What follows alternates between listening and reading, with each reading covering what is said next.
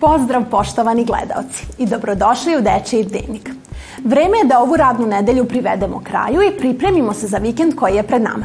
Vredno smo radili kako bismo za vas pripremili najvažnije vesti. Zato se udobno smestite i ostanite uz nas. Ja sam Zorana Nikoletić, a u ovoj emisiji Dečijeg dnevnika saznaćemo Šta vas čini srećnima?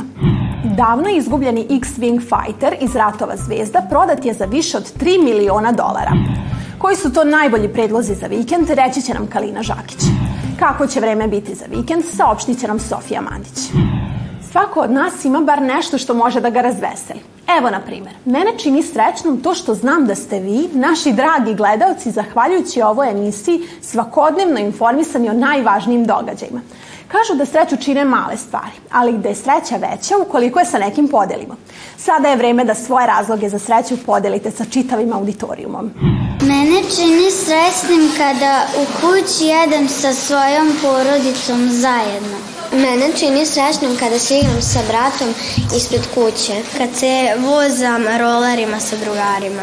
Kad skačem sa sestrom u trambolini. Kada se cela porodica okupi i svi gledamo film zajedno. I kad bi se u životu ostvari neki cilj, na primer da dobijem nešto što sam želeo. Kada sam zajedno sa svojim porodicom i drugarima i kada su svi oko mene srećni. Kada dobijem nešto što sam e, jako dugo želeo ili kada vidim nekoga koga, jako dugo nisam video. Mene čini srećnim kad svi zajedno idemo na ekskurziju. Mene čini srećnim kad obavim svoje obaveze i mogu da se igram sa drugarima. Mene čini srećnim kad cela porodica putuje negde. Davno je izgubljeni X-Wing Fighter, koji je korišćen u filmu Ratovi zvezda, prodat je za više od 3,13 miliona dolara. Početna cena na licitaciji bila je 400.000 dolara a model je pripadao Gregu Janeu, tvorcu minijatura. Ova minijatura korišćena je za snimanje krupnih kadrova u ključnim trenucima svemirske bitke, uključujući i snimke borbi u kanjonu, zvezde smrti, dok flota pobunjeničkih lovaca pokušava da uništi tu veštačku planetu, koja je istovremeno i oružje za uništavanje čitavih svetova. Na nedeljnoj aukciji predstavljeno je još nekoliko radova iz Ratova zvezda iz Janeove lične kolekcije. Kao što znate, danas je petak i trebalo bi da počnete da pravite planove za vikend. Subota i nedelja su jedini dani kada nema škole i kada imamo malo više vremena za sebe. Zato je važno da to vreme iskoristimo na najbolji mogući način. Ako još uvek ne znate kuda za vikend, gledajte pažljivo naredni prilog. Sigurna sam da će vam koleginica Kalina Žakić dati odlične predloge. Pozdrav drugari! Vreme je da se opustite uz vikend eh, posle na, naporne nedelje u školi. Istraživala sam malo predloge šta biste mogli da posetite, pa hajmo zato da počnemo. U kulturnoj stanici Edšek biće održana u nedelju novosadska razmena knjiga. Tamo će biti super za ljubitele kvalitetnog štiva. Tamo će moći da uzmu neku knjigu za sebe da je pročitaju. A, a bit će tamo još puno aktivnosti, a više od toj a o toj sadici možete pogledati na njihovom sajtu. Hajde, momci, vreme je! U bioskope su napokon stigli film Trolovi. Ja sam ih prošle da nedelje gledala u MX 4D tehnologiji. Bili su ža, sa, šareni, zabavni, plesali su, pevali su, ma znaš šta su radili.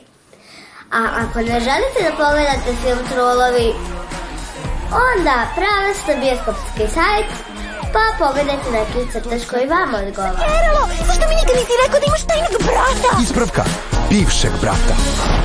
U amfiteatru na Spelsu u nedelju možete pogledati predstavu Princeza na zrnu graška. Verujem da ste svi gledali taj crtač, ali verujte mi, na da predstavi još bolje. Eto, toliko od mene za ovaj put. Mi se vidimo za 7 dana sa novim predlozima. Ćao! A da bi sve bilo kako treba i da bismo mogli da realizujemo planove za vikend, potrebno je i da nas vreme posluži. Koleginica Sofija Mandić je uvek dobro informisana o vremenskim uslovima. Sada je vreme da saznamo da li će za vikend biti lep i sunčan dan ili tmuran i kišovit.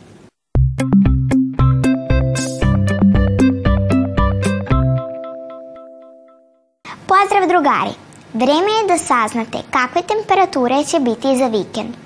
Upravo sam iz pouzdanih izvora saznala da za vikend treba da očekujemo promenljivo vreme. Prvog dana vikenda bit će malo više sunca, dok su u nedelju najavili kišu. Temperatura će biti oko 17 stepeni. Šta da vam kažem? U subotu pravac napolje na igralište sa drugarima – a u nedelju možete da se zabavite kod kuće uz neku društvenu igru.